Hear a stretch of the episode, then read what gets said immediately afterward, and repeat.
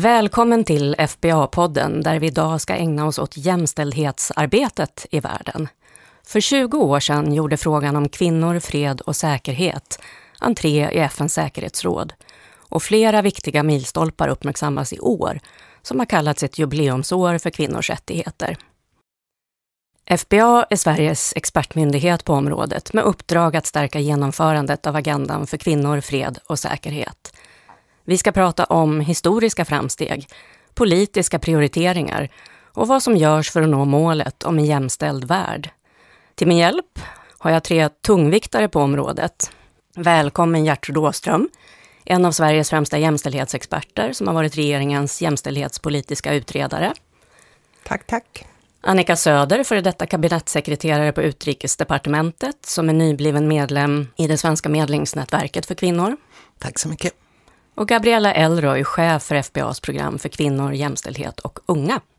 Tack. Jag som leder samtalet heter Katrin Jonsson och jobbar med kommunikation på FBA. Och jag vill börja med att fråga er alla, lite kort, hur är det ställt med jämställdheten idag? Vem känner sig manad att börja? Jag kan börja. Bra och dåligt.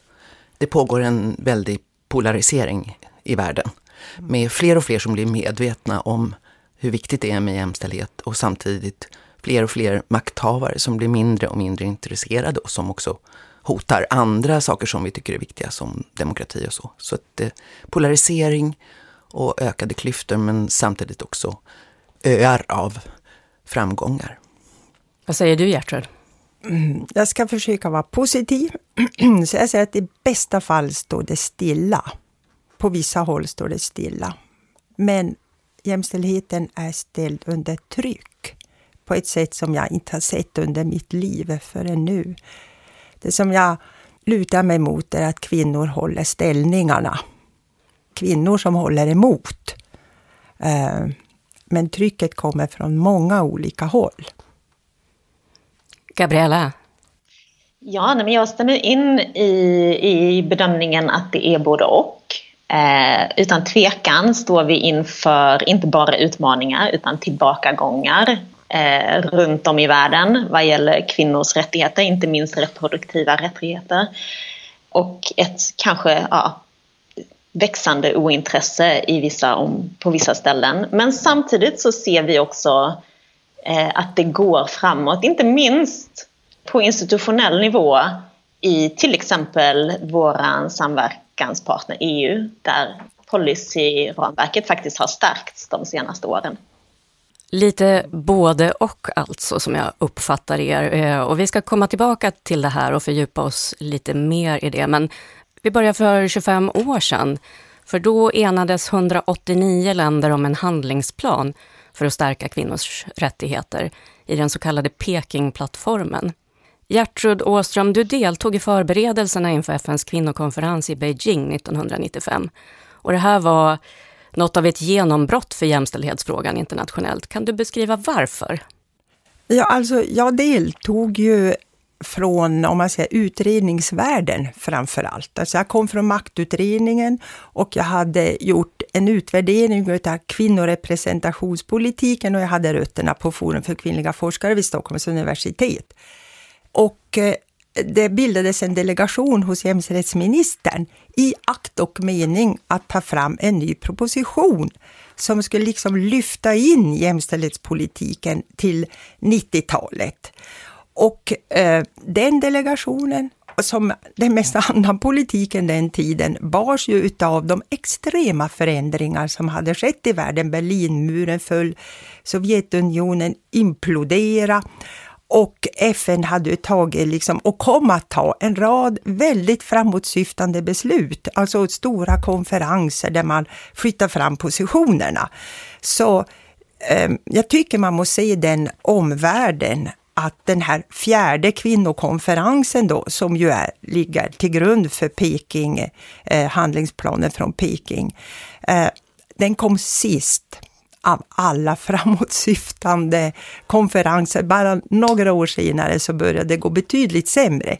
Eh, men det, det jag gjorde, det andra gjorde den här delegationen, det var att vi försökte trycka in allt vi hade lärt oss i utredningar, statistik, i forskning, in i jämställdhetspolitiken. Så att politiken skulle bli så stark att den vågar säga att det handlar om strukturer. Det handlar inte om individuella små attityder eller någonting. De finns ju också och är viktiga, men det var strukturer, det var en struktur, strukturell fråga, det var en maktfråga. Så därför så hette ju sen propositionen Delad makt, delat ansvar. Det var första gången ordet makt tog plats i liksom rubriken på en eh, jämställdhetspolitisk så viktig publikation som en proposition. Eh, och i den skrev jag, i den delegationen, så skrev jag själv fram det som blev en del av sen Sveriges presentation i Peking, som handlade om det som sen blev jämställdhetsintegrering. Jag skrev en artikel som hette Ut ur sidorummet, eller, och så översattes det förstås till engelska och blev Into the main building. Och det var alltså en strategisk omsvängning som jag själv hade varit med och drivit knallhårt sedan maktutredningen och inte minst sen kvinnorepresentationsarbetet som visar att vi kunde inte komma så mycket längre med att förbättra kvinnors liv och villkor om vi ständigt accepterar att det byggde på att det blev lite extra pengar en viss addition från någonting. Eh, det, vi kunde inte acceptera att vi skulle ha en egen isolerad kommitté. Vi kunde bara inte det. Vi måste klara av att säga att det krävde omfördelning. Och vi måste säga att det var inte bara i allmänhet eller allmän... Vi måste bli duktigare på att säga var då? När då? Hur då? Så man kan säga att där skrev jag grunden till eh, jämställdhetsintegrering. Det är precis de där åren på 90-talets början då det skedde. Och Sverige skrev ju in jämställdhetsintegrering i eh, den här propositionen och det togs ju sen också in i det här Peking plattformen då. Eh, och det är ju nästan ordagrant det Sverige skrev. Så det är väl ett av mina första, inte första men en av de tidigare e- erfarenheterna av att om man formulerar sig väldigt skarpt och vet varför och kan argumentera för varför det är viktigt för samhällets utveckling, då kan man ha genomslag. Så um, um, Pekingplattformen eh, handlingsplanen framför allt. Eh, det finns ju en annan text också, men handlingsplanen. Det är liksom tolv tematiska områden. Och man lyfte in nya områden, för det är ju en handlingsplan på kvinnokonventionen. Den tar ju hand om kvinnokonventionen. Och där blev våld uttalat. Både våld i hemmet, om man säger det vill säga traditionellt, men också våld i konflikter. Eh, och miljö fanns med. Media fanns med. Så det, det var ekonomisk självständighet. Och ehm, ja, det är ju, man kan bli tårögd när man läser. Därför att det var så det är så tydligt skrivet vad som är problemet och vad man behöver göra. Inte så att man nådde fram överallt, absolut inte. Men man fick igenom det. Visserligen med en radda eh, reservationer från väldigt olika länder. Eh, ja. Det låter ändå som en framgång, tycker jag. Eh, och, Oj! Och Pekingplattformen var ju en milstolpe mm. eh, när det gäller kvinnors rättigheter. Och du Gertrud Åström, du har ägnat större delen av ditt liv åt frågor som rör jämställdhet. Mm. Men vad är det? Och betyder det samma sak i olika delar av världen? Du var ju inne nu på att det fanns reservationer i, mot olika delar av innehållet eh, här. Jag tycker att Pekingplattformen i sig är kanonintressant för att de flesta länder skriver nämligen under. Och då är man ju ensam om samma sak. Eh, och eh, jämställdhet, det handlar om kvinnors och mäns likvärdiga villkor på livets alla områden som sen har formulerats lite olika. Jag menar, det, det står också i deklarationen om de mänskliga rättigheterna att ingen åtskillnad får göras utifrån kön till exempel. Och det har ju länderna skrivit under på. Så på formalia så ska det betyda samma sak. Man ska ha samma rättigheter och möjligheter och bla bla bla. Sen vet vi att i verkligheten ser det ju inte ut så. Det finns en jättebra organisation, tycker jag, som heter Equality Now, som liksom, de bara som iglar så fokuserar de liksom på lagstiftning i olika länder och driver, vad står det i lagarna då? Står det att det är så? Ja eller nej, ja eller nej, ja eller nej? Och svaret är ju att idag är det fler länder som, vi får säga, eh, nej, utan istället så accepterar man olika villkor för kvinnor och män. Eh, och tyvärr även i Europa så närmar sig den typen av tankegångar. Så nej, det, formellt betyder det samma och det vet alla. Och därför så lagstiftar man också emot det eller försvårar det på ett eller annat sätt. Och eh, det, vi kommer säkert in på det, men det, det gäller inte bara SRHR-frågor, det gäller ren ekonomi. Um, och det tycker jag har eh, ökat, det motståndet mot kvinnors ekonomiska självständighet. Inte minst i rika länder. Några år senare så kom också en resolution, 1325 heter den, som för första gången gjorde kvinnor, fred och säkerhet till en angelägenhet för FNs säkerhetsråd. Vilken betydelse hade det, tror du? Det hade ju en jättebetydelse, tycker jag, därför att det var verkligen kvinnor som drev det och det har ju sin avstamp i handlingsplanen från Peking. Det står explicit under område E att detta skall ske. Så det här var ju som ett mandat som gavs för framstående, duktiga kvinnor att lyfta upp det. Och man ska komma ihåg att då hade vi också haft Balkankrigen och då hade våld mot kvinnor, alltså våldtäkter, sexuellt våld, accepterats att det var ett problem liksom. Det gjorde, jo, man hade väl sett att det var problem, men det, man hade inte velat erkänna det. Så jag tycker också att det var viktigt därför att jag har ju också mina rötter i kvinnorörelsen. Eh, och fred har alltid varit en av de största och tyngsta frågorna för kvinnorörelsen. Och det, och det beror inte på att kvinnor bara är så himla snälla och inte vill slåss, utan det beror faktiskt på att kvinnor vet så in på kroppen vad det betyder att leva i kris och krigssituationer att vara så utsatta. Och man kan inte bedriva krig utan att på något sätt också dyrka våldet. Alltså, lär du en hel befolkning, en manlig befolkning, att dyrka våld, då kommer våldet också att finnas överallt. Så, så det tycker jag att det lyfter upp den här komplexiteten av liksom, mäns våld mot kvinnor i sina närmaste relationer som hustrur, döttrar, systrar, mormödrar eller vad det nu är, till ett extremt våld i krig och att de faktiskt hänger ihop. Och det är också något som händer på 90-talet. Det tycker jag är en väldigt tydlig maktanalys av samhället ur ett våldperspektiv. Jämställdhet har ju länge varit en hjärtefråga i Sveriges internationella engagemang. Annika Söder, du var med och lanserade den feministiska utrikespolitiken 2014 tillsammans med Margot Wallström som då var utrikesminister. Och det här var ett initiativ som fick både ris och ros, men vad ville ni uppnå? RIS var väl mest de som var rädda för ordet feminism eh, och det tror jag de flesta har kommit över nu. Och eh, vi har ju också fått ett antal länder som har följt efter oss och som också bedriver en feministisk utrikespolitik eh, idag. Kanada, Frankrike, Luxemburg, eh, Mexiko eh, för att nämna några och fler är väl på gång.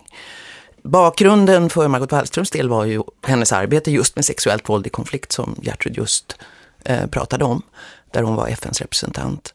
Jag kom in med en erfarenhet från FNs jordbruks och livsmedelsorganisation med kunskapen att eh, i Afrika till exempel så är 70 procent av jordbrukarna kvinnor, men i alla offentliga sammanhang så talade man om jordbrukarna som män. Eh, så det var ett brett initiativ, byggde väldigt mycket på de tankar som Gertrud just har pratat om, det, den svenska erfarenheten, men också de här två specifika ingångarna som Margot Wallström och jag själv hade.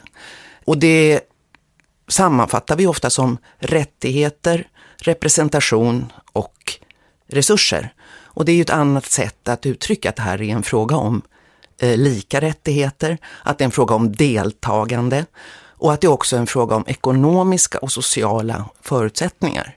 Några exempel från svensk historia är ju barnomsorg, som gjorde det möjligt för både män och kvinnor i familjer eh, att arbeta. Ett annat exempel är ju när sambeskattningen togs bort så att man fick en ekonomisk egenmakt. Och så kan det naturligtvis inte exakt se ut i alla länder, men det är den typen av, av tankar. Med de här tre R'n, rättigheter, representation och resurser, så tänkte vi att vi måste också lägga till eh, en sorts insikt om att allting inte är så enkelt. Så vi började också prata om reality check, alltså att man måste se till att någonting händer på riktigt. Så det blev det, så det, blev det fyra, eh, fyra R. Till det här tänket så skulle jag också vilja lägga någonting som är väldigt viktigt idag när vi har mycket bakslag. Och det är att vi värnar om de här normerna som finns internationellt, lagar i olika länder. Eh, men också institutionerna. Alltså det som är byggt som ska stå upp för det som vi gemensamt har beslutat i länder, i regioner eller, eller internationellt. Så att de som är ute efter att eh, undergräva jämställdheten, och det menar jag verkligen inte är till något samhälles fromma att undergräva den, att de eh, inte kommer så lätt undan utan att det finns institutioner, lagar och regler som försvarar det som vi har eh, uppnått. Um, vi drev ju också de här frågorna väldigt hårt i säkerhetsrådet där Sverige var eh, medlem i två år. Och där lyckades vi få in texter om kvinnors deltagande och kvinnors roll i fredsprocesser i alla de beslut som säkerhetsrådet tog. Och det är en stor framgång, att inte man bara säger fina saker en gång om året utan att det kommer in i alla konfliktsituationer. Eh, sen är uppföljningen av det det svåra och det är ju väldigt tydligt i alla de kontakter jag har med internationella eh, civilsamhällesorganisationer och kvinnoorganisationer. Att vi är långt ifrån att få det här förverkligat i länder i konflikt eller i länder som är på väg att bygga sig tillbaka. En sista sak som jag skulle vilja säga om det här det är att vi ser nu där protester mot auktoritära ledare inträffar, att de väldigt ofta leds av, av kvinnor och ungdomar. Och att män eh, tar ett steg tillbaka kanske för att de gör en annan analys eh, av sin egen maktposition. Men ta Belarus, precis som pågår nu, hur kvinnor har klivit fram där och ungdomar. Ta Sudan som kanske är mindre känt, men där eh, folket reste sig mot en långvarig diktator. Och där vi nu alla måste försöka skynda till för att de här ljusglimtarna i en ganska dyster värld också ska leda till bra förhållanden i de här länderna. Du är ju också nybliven medlem i det svenska medlingsnätverket för kvinnor som startades 2015 just som en del av den feministiska utrikespolitiken och som FBA samordnar på uppdrag av regeringen. Kan du beskriva vad meningen är med nätverket och vilken roll du kommer att ha? Det här kom ju också till då i samband med att vi lanserade den feministiska utrikespolitiken och satsade på kvinnors eh, roll i, i fredsprocesser. Och tanken var dubbel. Att kvinnor som medlare eller eh, aktörer för att få igång dialoger i, i konflikter, att det var alldeles för få kvinnor eh, som EU eller FN eller OSSE eh, utsåg. Och att det var viktigt att visa att kvinnor kan göra det här. Det andra var att lyfta fram kvinnors eh, deltagande och att det blir ingen fred utan kvinnor. No women, no peace eh, är ju ett slagord som vi brukar brukar använda. Och de här, ehm, det är väl en 14-15 stycken eh, i den här gruppen eh, och arbetar då med att stödja lokala processer, nationella processer i konfliktländer där Sverige är aktivt på något eh, sätt. Det kan antingen vara FBA som har en, en roll i en process, till exempel i några av de afrikanska subregionala organisationerna. Eh, det kan vara Afghanistan där vi ju har stark biståndstradition och också en stark tradition att stödja kvinnor eh, i fredsprocesser. Där det för övrigt är ganska oroväckande vad som kan hända om taliban kommer att dela makten och vad som just kommer att hända med de normativa framstegen som, som vi har gjort i Afghanistan. Och det finns många, många andra exempel på där kvinnor eh, i vårt nätverk kan vara aktiva. Det har också lett till att vi har ett global nätverksorganisation. Eh, det har satts upp en kring Medelhavet, det finns en i Afrikanska unionen, vi har ett nordiskt samarbete. Och det här är klart att på sikt, om vi har uthållighet, så kommer det här också leda till att vi ser fler kvinnor i ledande roller när det gäller fredsarbete. Och nu nämner du ett antal internationella samarbeten just mellan kvinnor, men vad, varför är det viktigt att det finns sånt? Just när vi är i en situation där jämställdhet motarbetas, eh, då måste vi hålla ihop och vi måste, måste visa vad det här betyder. Vi måste till exempel tala om att för alla som vill lyssna, att eh, det här med jämställdhet också antagligen gör de fredsavtal som man sluter mer hållbara. Det finns forskning på det här, det är lite omtvistat, men jag tror att det verkligen är så. För det handlar ju om att om, om alla människor i ett land är med och får ta upp sina intressen, få sina intressen eh, tillgodosedda, då blir det naturligtvis också mer, mer hållbart. Och det är den, den berättelsen som måste finnas hela tiden och vi måste också försöka övertyga de som inte förstår sig på det här Kanske då ibland med lite fula metoder. Det är faktiskt ekonomiskt lönsamt också att satsa på kvinnor. Det är inte, det är inte en del av vår, eh, vår idé, eh, det ska kunna hända ändå. Men eh, om vi ska övertyga finansministrar och andra makthavare så, eh, så handlar det ju också om att, att investera i hela landets eh, resurser. Och då gäller det också kvinnor och ungdomar. Som eh, svensk myndighet ska FBA förstås bidra till Sveriges jämställdhetspolitiska mål. FBA är också en del av Sveriges bistånd genom uppdraget att bygga fred i konfliktdrabbade länder. Hur går FBAs arbete till, Gabriella Elroy? Vi har ett internationellt mandat och vi syftar och strävar efter att också då bedriva vår verksamhet på ett jämställt sätt. Och rent strategimässigt så går det till ungefär så att vi å ena sidan driver det här som Gertrud var med att etablera, jämställdhetsintegrering. Eh, vilket helt enkelt betyder att vi måste beakta och förstå och identifiera ojämställdhet i alla våra verksamhetsspår och naturligtvis också adressera eh, de ojämställdheter som vi, som vi ser. Så det här är, det är allas ansvar på myndigheten. Det är inte ett specifikt program, det är inte mitt program, det är inte heller en specifik person, utan det här är verkligen allas ansvar. Däremot så hjälper mitt program till att eh, möjliggöra och bygga kapacitet på myndigheten för att, vi ska, för att alla ska kunna ta det här ansvaret.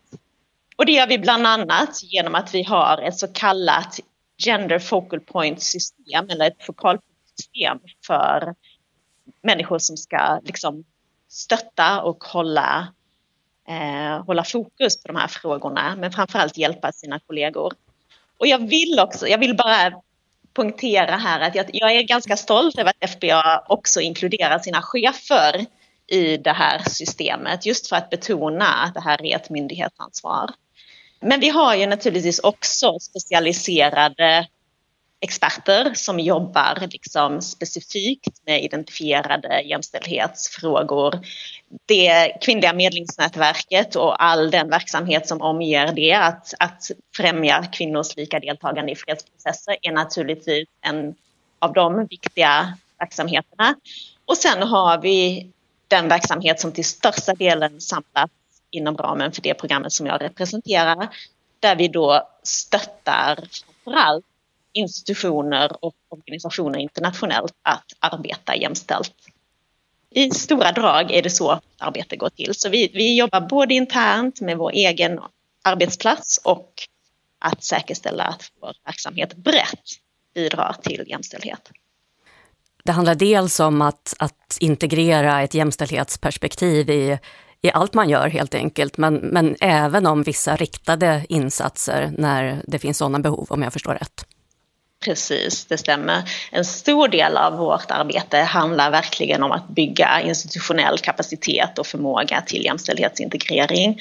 Men just eh, vårt program med, som fokuserar på att öka kvinnors deltagande, inte bara som medlare och i fredsprocesser utan även i, i andra institutioner, är naturligtvis mer en, en riktad åtgärd eh, och bygger ju på det faktum att kvinnors bristande deltagande är ju ett av de största eh, jämställdhetsproblemen vi har.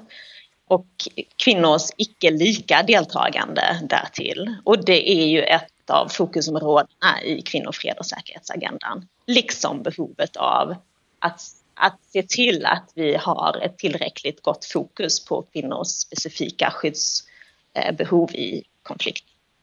FNs säkerhetsråd har slagit fast att allt fredsarbete ska bedrivas jämställt och att kvinnors behov och rättigheter i konflikter alltid ska beaktas. Och du var ju inne på precis det här. I arbetet med kvinnor, fred och säkerhet har FBA förutom jämställdhetsintegrering identifierat två andra viktiga spår och det är kvinnors rätt till deltagande och kvinnors rätt till skydd. Berätta lite vad det handlar om. Ja, men det handlar om precis det som jag nämnde innan att vi vet, vi behöver inte ha ett jämställdhetsperspektiv för att se och veta att, att vi saknar kvinnor i väldigt många eh, fora. Och på samma sätt så har det nu uppmärksammats väldigt mycket tack vare kvinnofred och säkerhetsagendan att eh, kvinnors speciella och specifika skyddsbehov i konflikt måste uppmärksammas mer. Och jag brukar, jag brukar säga så här att Alltså det är inte särskilt konstruktivt att tävla i vem, män eller kvinnor, som drabbas hårdast i konflikt. Eh, men det vi kan vara helt säkra på är ju att, att, att vi fokuserar på kvinnors osäkerhet är ju ganska nytt på den internationella agendan. Det ansågs ju väldigt länge dels vara en fråga som inte hade med internationell fred och säkerhet att göra. Alternativt att det var en fråga som skulle lösas i hemmet och som inte hade i det offentliga rummet att göra. Så det är ju ett väldigt viktigt framsteg att det idag faktiskt är en del av den internationella agendan och eh, någonting som vi pratar om. Det finns lite olika sätt att mäta jämställdhet på. World Economic Forum ger ut en rapport årligen om jämställdhetsskapet i världen på olika områden. Och i årets rapport så konstaterar man att det har skett förbättringar när det gäller kvinnors rätt till utbildning och hälsa. En intressant sak är också att höginkomstländerna har jämnat ut löneskillnaderna mellan kvinnor och män, medan utvecklingsländerna har backat i det här avseendet. Vad kommer det sig, Gertrud Åström, du som har fokuserat mycket just på ekonomiska frågor i jämställdhetsarbetet? Eh, alltså om man ska titta på löneskillnader och varför de minskar. I Sverige minskar de, om jag håller mig till Sverige som jag behärskar något, lite grann om men väldigt sakta. Det är inte så att det sker, oj vilka jätteförändringar. För, eh, på ett år minskade 0,6 procent i löneskillnader. Om vi då tittar, hur har det gått till? Det har samma förklaring som du sa tidigare. Kvinnor utbildar sig mer. Majoriteten av flickorna som går ut gymnasiet skaffar sig en universitetsutbildning. Och det där nöter ju alltså årskull för årskull för årskull. Så 56-57 procent av flickorna går vidare till universitetsutbildning. De blir också chefer. I mycket högre utsträckning än om jag skulle titta tillbaka 20-25 år. Och den största skillnaden är att kvinnor är chefer i offentlig verksamhet, vilket man sällan kommer ihåg. Liksom. Men det är liksom så det ser ut. Och eh, den största löneskillnaden i Sverige det är för högutbildade kvinnor i privata företag. Alltså om jag tittar i absoluta kronor. Det kan skilja tusentals kronor i inträdeslön mellan kvinnor och män som är nybakade civilingenjörer till exempel. Men på det hela taget så är det högre utbildning, därmed så kan man få mer kvalificerade jobb, då stiger lönen, Kvinnor blir chefer för de har chefsgrundande utbildningar och sådana kvinnor jobbar heltid. Det är de stora förklaringarna till det. Men eh, jag tror att det var Gabriella i början som sa att vi ser också större isärdragning och det ser vi i Sverige också. Så vi har liksom en eftersläpning. Men vi har också extremt högt deltagande av kvinnor i Sverige. Så om man ska försöka förstå varför det sker, som du sa, i höginkomstländer, så titta på de faktorerna. Faktiskt arbetskraftsdeltagande, där skiljer sig ju Sverige och Island framför allt, men de nordiska länderna, men eh, Sverige och Island ligger ju i topp när det gäller att ha kvinnor i arbete. I en del andra länder är det ju inte så, utan fortsatt så har kvinnor väldigt låg arbetskraftsdeltagande. Men de som är i arbete är också högutbildade och liksom har bra jobb och så. Om jag skulle titta på det på riktigt, så jag ska alltså titta på arbetskraftsdeltagande. Hur ser det faktiskt ut? Heltider, deltider, bla bla, allting sånt. Och använda samma variabler för höginkomstländer och låginkomstländer. Och då kan man säga att ja, där finns som sagt var högutbildade kvinnor med jättebra jobb. De är få. Det finns jättemånga kvinnor som jobbar i en, en, någon slags semisektor utan att ha ordentliga arbets, ja, anställningar. Man är mycket i en servicesektor, bunden till service i hemmet hos andra, nannies, städerskor. Alltså den typen av väldigt svaga eh, jobb. Och det är också för svag institutionell eh, liksom, kringbyggnad, infrastruktur i många länder. Jag tror Annika, du sa särbeskattningen på 70-talet, alltså där och bosta. Några år senare fick vi principinslut om eh, barnomsorg. Och det är klart att vi skulle aldrig ha haft den utveckling vi har haft i Sverige för högutbildade kvinnor i arbete om vi inte hade sagt till och med lag i mitten av 90-talet just, det ska finnas barnomsorg. Punkt. Liksom. Och det finns ju inte, inte ens i europeiska länder finns det, och den kan finnas men är extremt dyr. Så jag, jag tycker inte det är en paradox, jag tycker det man kan se det är de här ökade klyftorna även i Sverige. Men det handlar inte om lönerna, det handlar om inkomsterna. Och inkomsterna som drar isär både hög och låginkomsttagare och därmed också kvinnor och män, för kvinnor dominerar bland låginkomsttagare, det är ju kapitalinkomster. Eh, och det har ökat. Eh, 19 eh, mm, blir det ju nu, 2019 kom ju senaste långtidsutredningen. Och det är ju hela fokuset är just på kapitalinkomster. Så det betyder att i höginkomstländer så har män ackumulerat mer kapital till sig själva. Det är alltså aktier, det är fastigheter, allt sånt. Det är förklaringen. Och i, i låginkomstländer är det precis likadant, kan jag säga. Det område där ojämställdheten är som störst är inom politiskt beslutsfattande. I snitt står kvinnor för en fjärdedel av platserna i nationella parlament, men vissa länder har inte en enda kvinnlig representant i sina folkvalda församlingar.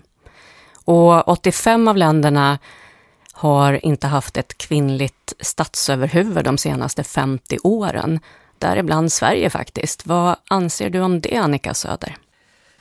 Det finns ju två saker som är viktiga med eh, beslutsfattande och ledarskap eh, för de som finns runt omkring. Och det ena är att vi behöver förebilder och då är det naturligtvis viktigt att små barn kan se att kvinnor kan vara presidenter och parlamentariker och så vidare. Men det andra är ju politiken. Vad är det för typ av politik som man beslutar? Eh, och att ha 50 procent kvinnor i ett parlament eh, som kanske bara sitter där som gisslan för att ett eh, statsöverhuvud eller en premiärminister vill kunna säga att jag har väldigt många kvinnor i mitt parlament. Det tar oss ju inte särskilt långt om inte de reser sig och börjar driva på för de viktiga besluten. Och jag tycker det är viktigt att komma ihåg det Gertrud sa, att i väldigt många länder i Nordeuropa så finns det många kvinnor som har ledande positioner i myndigheter, i regioner, i regeringskansliet och så vidare. Så det är ju inte så att även om det finns, bara har funnits manliga statsministrar i Sverige, att det inte finns en jämställdhetspolitik. Och vi har ju för närvarande en statsminister, Stefan Löfven, som berättar för andra ledare i världen att han leder en feministisk regering. Och det kanske också smäller ganska högt om vi vill påverka andra. Sen finns det ju parlamentarikersamarbete för att stärka kvinnor eh, i parlament så att de inte ska känna sig eh, övergivna och ensamma utan ha styrkan att driva på i alla de här frågorna som vi redan har talat om. Våld i hemmet, ekonomiska och sociala förutsättningar, utbildning, hälsofrågor och, och så vidare och, och vara riktiga eh, aktörer. Så att jag tycker inte man får fokusera för mycket på det här med stats... Vi kommer för övrigt snart att få ett eh, kvinnligt statsöverhuvud, nämligen kronprinsessan Victoria kommer att bli drottning. Frågan är, ändrar det på jämställdheten eller, eller inte? Eh, jag menar väl att det snarare är frågan om vilken politik man driver och att det är tillräckligt stark representation för kvinnliga röster. När vi började med den feministiska utrikespolitiken i svenska utrikesdepartementet, då såg vi hur viktigt det var att män i utrikesdepartementet också var med och drev den här politiken. Så vi ägnade ganska mycket tid åt det. Eh, för män att, att eh, lära sig mer om jämställdhetsfrågor. Eh, och sen har ju varenda ambassadör, kvinnor och män, tagit på sig egna jämställdhets och feministiska projekt i sina länder för att visa vad Sverige står för och, och hjälpa till med de som vill driva jämställdhet i, i de länderna där de är stationerade. Så det är också en viktig sak, hur män och kvinnor faktiskt kan ha en fördjupad insikt om vikten av jämställdhet. Det här är ju en viktig fråga för Medlingsnätverket. Hur arbetar ni för att öka andelen kvinnor i politiskt beslutsfattande? Ett antal gånger har kvinnor i, i nätverket deltagit i utbildningar för att kvinnor ska i konfliktsituationer ska hitta sättet att nå fram till makthavare i Somalia, i Mali, i Afghanistan som jag pratade om, om förut. Och här är det ju väldigt viktigt att det inte blir någon sorts kulturell appropriation, alltså att vi kommer med våra mm. eh, föreställningar om hur ett samhälle fungerar. Utan det är väldigt mycket en lyssnande roll och att katalysera, om jag använder det ordet, kvinnornas intressen. Sen är ju det inte ett intresse. Kvinnor representerar ju också olika, olika intressen. Men, eh, men att eh, stödja att kvinnor kommer samman, att de använder de verktyg som finns. Det kanske finns en säkerhetsrådsresolution som säger att männen i det här samhället måste ha med dem i fredsprocesser. Hur kan vi hjälpa dem och då komma in i, i fredsprocesserna? Sådana saker har till exempel hänt i Mali. Nu är Mali väldigt illa ute just nu, men där har vi faktiskt sett ett visst genomslag också för det arbete vi gjorde i, i säkerhetsrådet. Sen måste ju då deltagandet i fredsprocesser också leda till att man får nya regler eh, och normer och öppenhet så att den permanenta beslutsprocesserna i länder som har varit i konflikt också ger utrymme för, för kvinnors eh, agerande och makt. Jag tänker att det måste vara svårt för kvinnor som kanske inte har haft en plats i de här sammanhangen tidigare att, att förstå spelreglerna kanske för det politiska beslutsfattandet. Det finns en rapport från Kvinna till kvinna som precis har kommit ut som just beskriver det här, hur viktigt det är med att vara fredslitterat, alltså att mm. ha verktygen för att kunna eh, rå på dem som för närvarande, för närvarande bestämmer. Och då är det ju jätteviktigt att vi inte kommer bara med våra eh, erfarenheter och sambeskattning och barnomsorg, utan att vi kommer mm. med ett sinne som gör att vi hjälper dem att själva komma fram till vilka verktyg som, eh, som behövs. Men det här är ju eh, stora och viktiga insatser. Och det, jag har just sett över FNs fredsbyggande verksamhet tillsammans med några andra personer från olika delar av världen. Och det vi ser är att det är det är väldigt krävande, resurskrävande om vi ska gå in och stödja sådana processer. Och nationella regeringar vill ju oftast inte att FN eller Sverige eller EU ska gå in eh, och stödja att ge verktygen så att den kvinnliga rösten blir väldigt eh, stark. Så där finns ett ganska starkt dilemma som vi har identifierat också när det gäller hur 1325-resolutionen eh, används i förebyggande av konflikter och i återbyggnad efter konflikt. Sverige hamnar på en fjärde plats i World Economic Forums rapport efter våra nordiska grannar Island, Norge och Finland. En ganska bra placering med tanke på att listan omfattar 153 länder. Vad tänker du, Gabriella Elroy, att Sverige kan bidra med internationellt? Ja, jag tänker väl naturligtvis att vi har lång erfarenhet av det här arbetet. Det är verkligen ett arbete. Eh, vi har lång erfarenhet och det har gjort att vi också har en viss kompetens som jag absolut tycker och tror att vi kan bidra med. Eh, inom ramen för den ödmjukhet naturligtvis som, som Annika pratade om. Men förutom det så tycker jag väl att vårt bidrag, det politiska bidraget internationellt är, är oerhört viktigt. Och att, att våga stå upp för jämställdhet eh, i alla olika delar. Att, att satsa resurser på arbetet för jämställdhet och att visa eh, att det krävs resurser för arbetet med jämställdhet. För att vi har kollegor som brukar säga att man får de resultat som man investerar resurser och det, det är naturligtvis även så i det här eh, politikområdet. Och jag tycker att vårt bidrag i säkerhetsrådet är ett väldigt intressant mm. exempel på hur mycket vi ändå kunde bidra eh, under begränsad tid och som ett relativt litet land trots allt. Vi har en regering som bedriver en feministisk utrikespolitik och en feministisk handelspolitik. Är utvecklingssamarbetet eller biståndet ett sätt att exportera Sveriges politiska prioriteringar, Annika Söder?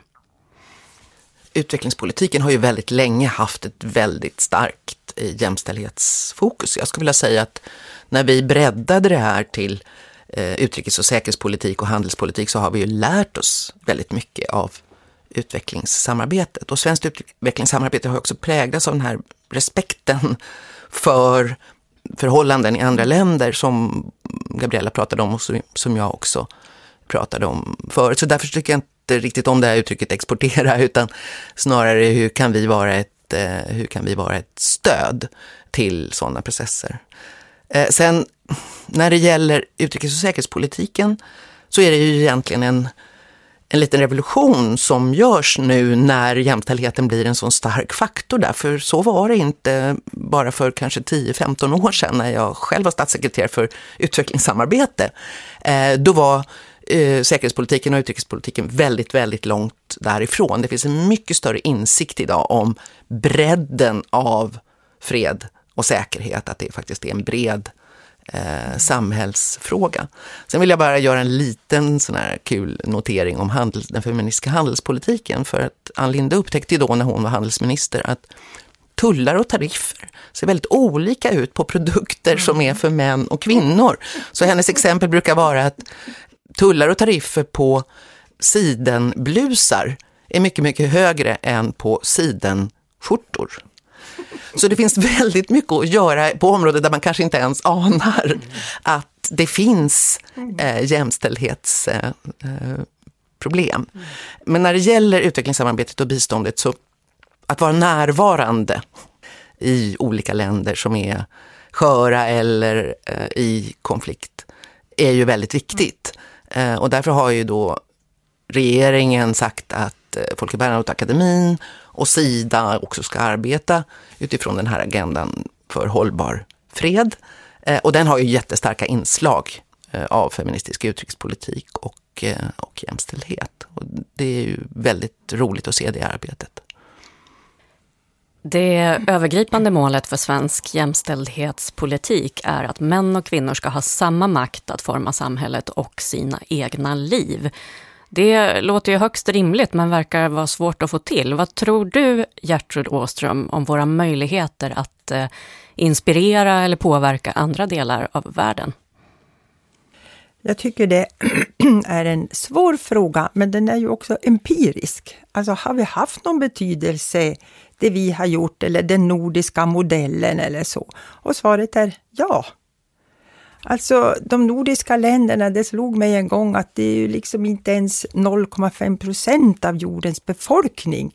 Men ändå pratar man om den nordiska modellen. Ja, men det kan ju inte vara liksom bergskedjorna som har gjort någonting, utan det är människor som är där. Denna lilla spillra som har gjort någonting, en annan, ett annat samhällskontrakt. Och sånt har jag ju jobbat mycket med, att förstå hur ett samhällskontrakt byggs på basen av lika makt för kvinnor och män. Ingen land är framme, det kan jag ju också säga.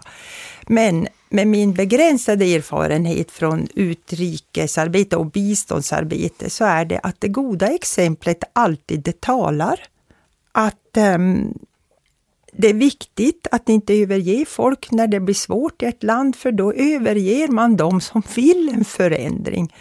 Så man måste ju veta, var det Mugabe eller var det liksom folk som strid för sin frihet som vi ville göra någonting för eller åt, eller tillsammans med? Det är därför det är viktigt, tycker jag, att vi inte själva svajar undan. För att om vi ska säga att vi ska jobba med jämställdhet, ja men visa leverans då på riktigt och visa att vi kan flytta fram positionerna. Folk är känsliga för hyckleri över hela världen. Alltså man kommer och säger en sak och sen gör något annat, så det fattar folk på 0,0 nanosekunder. Så eh, ja, om vi är ärliga med vårt uppsåt och vår absoluta insikt och empiriska fakta om att det här betyder det för samhället. Det betyder bättre ekonomi, robustare familjer. Eh, det betyder mindre våld, för om någon trodde att våld är mer vanligt här än i de flesta andra länder, då tror man fel. Det är bara det att vi lyfter upp våldet. Men de flesta länder är det fortfarande dolt. Våld i hemmet är fortfarande en lagstadgad rätt i många länder och det är en daglig praktik som kvinnor utsätts för. Så en viss skärpa tycker jag när man pratar med folk. Jag, om jag nu ska vara lite så exemplifierande, jag var i Malaysia och pratade för, ja, det var liksom ett eh, Svenska institutet utbyte. Och jag skulle då prata om den svenska sexköpslagen som är just en sån här eh, exportvara då, som sprider sig idag. Och eh, de, de vill inte höra talas så mycket tror jag om prostitution och sånt, det vill de flesta inte. Eh, då sa jag att det går ut på rätten att inte bli köpt. Det är det det slår fast. Ingen människa ska kunna köpas av en annan människa och det är köparen som har alternativen, inte den som blir köpt. Och det tog skruv, om jag säger. Alltså, det, det var liksom väldigt så här, var en man som studsade upp och han sa att det hade han aldrig tänkt på. Han hade aldrig tänkt på att köparen har ett alternativ. Så, jo då. Om man inte tror att man kan ha någon, göra skillnad i relation med andra människor, då kan man ju sitta hemma då. ja. Mm. Flera biståndsaktörer rapporterar nu om en global backlash mot jämställdhet där kvinnors rättigheter inskränks på flera områden. Vad beror det på, Annika Söder, och går det att motverka den här negativa utvecklingen? Det går ju att motverka och det gäller ju, som jag sa för en stund sedan, att använda de normer och regler som vi har kommit överens om. Ge stöd till de som slåss för jämställdhet i olika länder där den är på väg tillbaka så att de kan hålla sina ledare ansvariga med ett stöd eh, utifrån. Sen hänger ju det här ihop med tillbakastegen för demokrati och mänskliga rättigheter som vi ser runt om i världen med en lång rad eh, ledare som ofta faktiskt har blivit valda av sina befolkningar och sen använder den plattformen till att göra samhället mer och mer maktfullkomligt och mer och mer auktoritärt. Och då gäller det att hålla i det internationella regelverket och stödja dem som, som försöker kämpa för det här. Men det här är ju väldigt, väldigt svårt. Eh, och de här ljusglimtarna som finns där eh, kvinnor, ungdomar och andra har rest sig i Sudan, det som pågår i, i, i Belarus. Eh, det finns också andra situationer där folk reser sig för ekonomiska och sociala frågor där kvinnor spelar en stor roll. Chile, Libanon och, och andra platser. Det här handlar ju om att vara närvarande och visa sitt stöd. Och sen vill jag kanske koppla lite grann till det till Gertrud sa, var jag var så väldigt försiktig när det gäller vad vi kan säga åt andra. Det är en enorm efterfrågan av, mm. på de nordiska erfarenheterna. Mm. Hur kan man vara både bäst på innovation och high-tech och ha nästan mest jämställdhet i världen och så vidare och så vidare. Och det är klart att den modellen, den nordiska eller svenska modellen är enormt mm. efterfrågad. Och där finns det alltid möjlighet att skjuta in jämställdhetsfrågorna. Eh, om jag tittar tillbaka, ganska långt tillbaka, så uppfattade jag att det var lättare att prata om kvinnors rättigheter i diktaturer eller semidiktaturer än att tala brett om mänskliga rättigheter. Så eh, för en 10-15 år sedan satte vi igång en lång rad dialoger med länd, väldigt auktoritära länder och tänkte att kvinnors rättigheter skulle bli en ingång för att också tala om bredare rättighetsfrågor. Ett exempel i modern tid är att sexuellt våld i hemmet är en fråga som diskuteras väldigt mycket i Ryssland. Som ju har många auktoritära tendenser idag, men där den frågan betraktas som ett samhällsproblem och där eh, Ryssland då vänder sig till andra för att också lära sig hur ska vi eh, minska det sexuella våldet i, eh, i hemmet. Men det bristande utrymmet för civilsamhället mm eh, överallt på väldigt, väldigt många håll i världen. Det är väldigt allvarligt och här finns en annan sak som vi kanske borde vara bättre på att berätta, nämligen hur vi har byggt det svenska samhället, det Gertrud pratade om. Mm. Det handlar ju väldigt mycket om civilsamhället som blåslampa. Vi kan titta 120-130 år tillbaka och sen hela, hela resan. Hur civilsamhället, nykterhetsrörelsen, kyrkan och så vidare olika krafter har, har drivit på för att få de här lagarna, normerna och institutionerna som jag menar är, är ryggraden. Gertrud Åström, du har sagt att ojämställdhet kräver inga särskilda insatser. Det är en normal verksamhet. Vad menar du med det? Det är mitt lite skämtsamma sätt att eh, säga att eh, de, de erfarenheter som vi har i alla samhällen, det är erfarenheter av ojämställdhet om vi redan var jämställda behövde vi ju inte jobba med det. Så, så det är vi bra. Vi är bra på jämställdhet. Vi är bra på att sätta olika tariffer på sidenblusar och herrskjortor i siden och så. Och det är vi jättebra på. Och det betyder alltså att vi har byggt in ojämställdheten i strukturerna. Alltså ingen behöver aktivt säga, när vi tittar en sidenblus, oho, utan det är tariffen, det är rutinen, det är ordningen. Det ska vara olika och det ska vara si och det ska vara så. Så det är också en hierarkisk ordning. Och de där strukturerna eh, är just ner på detaljnivå och vi vet alla hur det är. Och det är ju en sån här gammal sanning att de strukturer vi har är starkare än de vi försöker bygga. Alltså gamla strukturer, de liksom käkar upp Eh, Eh, det förändringsarbete vi försöker göra. Så det kräver enorm skicklighet och ihärdighet och arbete på olika nivåer. Och eh, det där att människor återskapar ojämställdhet i sitt görande, fast de tycker att det inte borde vara så. Det, det tyckte jag verkar vara det svåraste för folk att fatta. Och då hittade jag på en, en liten dialog, en fråga, ett svar. Ehm, så här, mm, bedriver ni ett särskilt ojämställdhetsarbete här? Svar.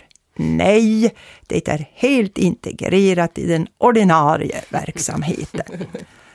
Det är en annan sak också att folk kommer ihåg bättre om man kan se det humoristiska i det. Vi är alla del i det där ju. Ja, så därför är det så. Hur kan vi bryta det här eh, normaltillståndet då? Gabriella Elroy, FBA strävar efter att göra jämställdhet till en del av vardagen eller vardagsarbetet. Eh, och ni arbetar mycket med att stärka ledarskapet. Varför är det viktigt? Ja, men det, det bygger ju precis på Gertruds skämt som vi har tagit på fullt allvar. eh, och det bygger precis på den här Eh, tanken att det är ojämställdhet eh, genereras i strukturer som finns överallt. Vilket betyder att det är strukturer som påverkar allt vi gör. Men att också allt vi gör påverkar eh, de här strukturerna. Och det är precis på det sättet som vi i vårt normaltillstånd, om vi inte eh, aktar oss, även om vi inte vill, tenderar att generera ojämställdhet. Så det, det är ju det som är grundkärnan. Och eftersom vi jobbar mycket med organisationer och institutioner så handlar det då helt enkelt om att jämställdhetsarbetet ska in och bli en helt normal del. Vi vänder då på skämtet och säger att jämställdhet måste vara en helt normal del av mm. vardagsarbetet. Och när man då tar nästa steg så eh, det kräver, som Gertrud säger, det här är inte lätt. Det är inte lätt att bygga upp de här strukturerna och det i grunden handlar ju då om organisationsförändring och, och organisationsutveckling. Eh, och när man, när man kommer dit så tycker jag att då blir det väldigt eh, självklart varför ledarskapet är viktigt. Därför det är ingen organisationsutveckling som sker utan ledarskapets riktning och styrning. Sen betyder inte det att allt arbete måste göras av ledarskapet, men det måste finnas en väldigt tydlig mm. riktning. Så vi säger ju helt enkelt att alltså ledarskapet ska ju inte göra Återigen, det ska vara deras normaltillstånd. De ska inte börja göra andra saker än vad de gör i vanliga fall, utan de ska vara chefer och de ska vara ledare. Men de ska driva arbetet för jämställdhet som chefer och ledare, precis som de i väldigt många fall driver annat arbete. Och sen kan man ju såklart säga att cheferna är viktiga. Varför är de så viktiga för att driva utvecklingen? För det är såklart de som har den makten att göra det. Vad får ni för respons när ni eh, arbetar runt om i världen? Ja, men jag tycker ju att vi får på det stora hela väldigt bra respons. Jag måste säga att trots att jag är fullt medveten om den politiska kontexten och hur den förändras så tycker jag att i de, i de kontakter och i de möten och i de arbetsspår som vi har så, så blir det ändå eh, jag vet inte om jag vågar säga lättare och lättare för det här arbetet är inte lätt. Men, men jag tycker att vi får gehör. Eh, jag tycker att vi kan arbeta på ett sätt som vi definitivt inte kunde för fem, tio år sedan. Eh, vi har nått ledarskapet idag på ett sätt som vi inte hade gjort tidigare. Det betyder inte att vi är framme. Vi har väldigt mycket arbete kvar. Men vi får tänka på saker idag och vi får svara på frågor som vi faktiskt inte fick för bara fem eh, år sedan. Och det är på grund av att vi får arbeta i områden som vi har nått liksom, nya dimensioner i det här arbetet rent institutionellt. Organisationsutveckling är ju eh, svårt och också något som tar tid, men kan ni ändå se resultat av eh, ert arbete? Ja, det tycker jag att vi kan. Och återigen, jag, måste ju vara, jag vill inte på något sätt förhäva mig och vi har väldigt mycket arbete kvar. Men jag tycker absolut att vi kan se resultat av arbetet. Eh, och det är också det som hjälper oss att föra arbetet framåt. För vi lär oss ju eh, varje gång vi får möjligheten att göra. Och vi lär oss både lärdomar hur vi inte ska göra men vi lär oss faktiskt också väldigt mycket om hur vi, hur vi ska göra. Ja, jag och mitt team eh, jobbar ju väldigt mycket med att, att just göra det här möjligt. Att, att försöka förenkla det utan att förringa det. Eh, det måste ju vara på riktigt men, men det, får, det måste också vara görligt för de som ska ta det vidare. Jämställdhet är en fråga som ibland tycks intressera fler kvinnor än män. Och här sitter vi fyra medelålders kvinnor och pratar om det här. Hur får vi med oss männen i arbetet för jämställdhet? Vilka är dina bästa tips, Gabriella Elroy?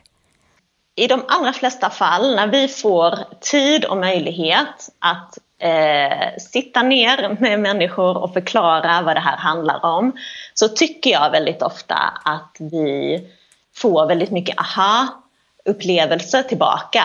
Eh, det finns väldigt mycket fördomar eh, om vad jämställdhet handlar om. Ännu mer vad feminism handlar om. Men jag tycker att när vi, när vi får tid att bryta, dem, bryta igenom de fördomarna och få folk, jag vet jag hade en person som en gång kom fram till mig och sa att jag måste erkänna att jag var, jag var tveksam, jag trodde du skulle säga en massa feministiska saker men det här är ju intressant samhällsanalys. Och jag log och tänkte att ja, det är precis det det är. Det är precis det som feminism är. Men det sa jag inte, utan jag var glad att han tyckte att detta var jätteintressant och nu ville vara engagerad i det här arbetet. Och, och, många gånger handlar det om att se till att det här inte är ett särintresse. Det här är någonting som berör deras verksamhet. Och när man kan påvisa på vilket sätt det berör deras verksamhet, då, då tycker jag ändå att de flesta tycker att det är intressant att förstå världen lite bättre. Så det är så man eh, kan sälja in det som samhällsanalys helt enkelt? Ja, men jag tycker att det är ett ganska bra sätt att sälja in det så och faktiskt att även prata strukturer eh, och inte individer tycker jag också är ett väldigt bra sätt. För det är många män som tror att de ska bli eh, bannade eh, med detsamma ögonblicket man börjar prata. Och att få dem att förstå att det är strukturer. Jag brukar citera Martin Luther King som säger att det är, det är strukturer och inte människor som vi försöker förändra. Och det brukar också ta ner axlarna ganska ofta. Mm. Jämställdhet är ju ett av de globala målen i Agenda 2030. Det är en mänsklig rättighet men också en demokrati och rättvisefråga eftersom kvinnor utgör hälften av världens befolkning. Jämställdhet är också en förutsättning för en hållbar, fredlig utveckling och inkluderande samhällen. Nu har vi tio år på oss. Vad behöver vi göra för att nå dit? Och kommer vi att lyckas? Mm. Vad säger ni? Ja, ska jag börja? Jag sa att jag var positiv i början. Men nej, inte kommer vi att fram om tio år inte. Det vore ju så märkvärdigt om det skulle ha gått så snabbt plötsligt på slutet liksom. Så nej. Eh, det kommer vi ju inte att. Vi kommer få en ny agenda 2030 som heter 2050 eller vad den nu kommer att heta och så kommer den att blicka framåt. Vi firar 100 år sedan kvinnor fick rösträtt i Sverige så att det gäller ju att ha de här perspektiven för stora vågor och så lite krus hit och dit. Tar vi, vi ändå små steg framåt? Ja, absolut. Det gör vi ju hela tiden. Alltså titta på aggregerade tal så ska du få se att man ser, då ser man hur stora förändringar som har skett. Eh, och det tycker jag, ett, håll kvar vid det, att ja, jämställdhet är ett framgångsområde. Det har hänt jättemycket. Två, det har blivit bättre ekonomi det, när det hände. Liksom, det betyder jättemycket att kvinnor utbildar sig. Det blir bättre för barnen. Så vi, jag tycker vi har en rad eh, saker att hålla fast vid. Sen i Sverige så ska vi bli bättre på att förstå villkor för dem som inte lever upp till de där framgångsfaktorerna. Vi har ett segregerat samhälle, det måste vi ta på allvar. Det är ju på riktigt, liksom. Och det gäller också mitt favoritområde, arbetsmarknad och ekonomi, att vi ser att det drar, det drar isär. Men sen tänkte jag på det Gabriella sa, alltså jag, jag, tycker inte att välja att prata om samhällsförändring och, och liksom sakfrågor är att sälja in. Det är ju det det handlar om. Alltså det är ju det som är jämställdhetsintegrering. Det handlar om att ändra i sakfrågorna så de där tulltarifferna inte är som de är. Det handlar inte om att ändra de som eventuellt ska ha skjortan eller blusen. Så att ähm, hålla, hålla kvar vid det. Mm. Jag säger ni andra? Globala målen är ju en hel lista av vad som behöver göras för att få ett bra samhälle. Alla regeringar har skrivit på det här 2015, som kanske var det sista året på ett tag då vi gjorde bra framsteg med Parisavtalet om, om klimat och eh, med den här eh, Agenda 2030. Och jag skulle vilja peka på jämlikhet och jämställdhet. Det finns ju också ett jämlikhetsmål där, mål nummer 10. Mm. Eh, och jämställdhet är mål nummer 5. Alla de här måste ju röra sig i rätt riktning. Och det är inte bara nationellt ansvar, till exempel när det gäller klimatfrågan som också finns med här, utan det är också en global fråga. Eh, så jag kommer tillbaks till det här att vi måste driva på för att länder tar det ansvar för det de har skrivit på för, hjälpa de som finns i länder som vill pressa på eh, och stödja dem i det här arbetet. Och vi måste kanske lägga in en högre växel för att som världen ser ut idag så är vi på flera plan på väg åt fel håll och vi har den här polariseringen. Mm. Fler fattar vad jämställdhet är bra för, men fler är också hotade och känner sig hotade och, och förstår inte att makt måste delas, utan man tror att makt kan man sitta kvar på själv. Och jag använder man då eftersom det oftast handlar om män. Så en, en högre växel, eh, ekonomiska och sociala förutsättningar och satsningar på eh, i det internationella arbetet på de länder som eh, har det sämst, för det är nästan alltid också konfliktländer. Och där kommer kvinnors, kvinnors deltagande och kvinnors roll i, i fredsprocesser in.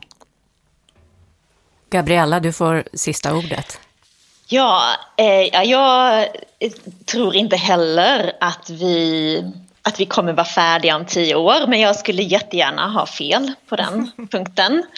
Eh, men jag tror helt enkelt att vi måste hålla i och vi måste hålla kvar.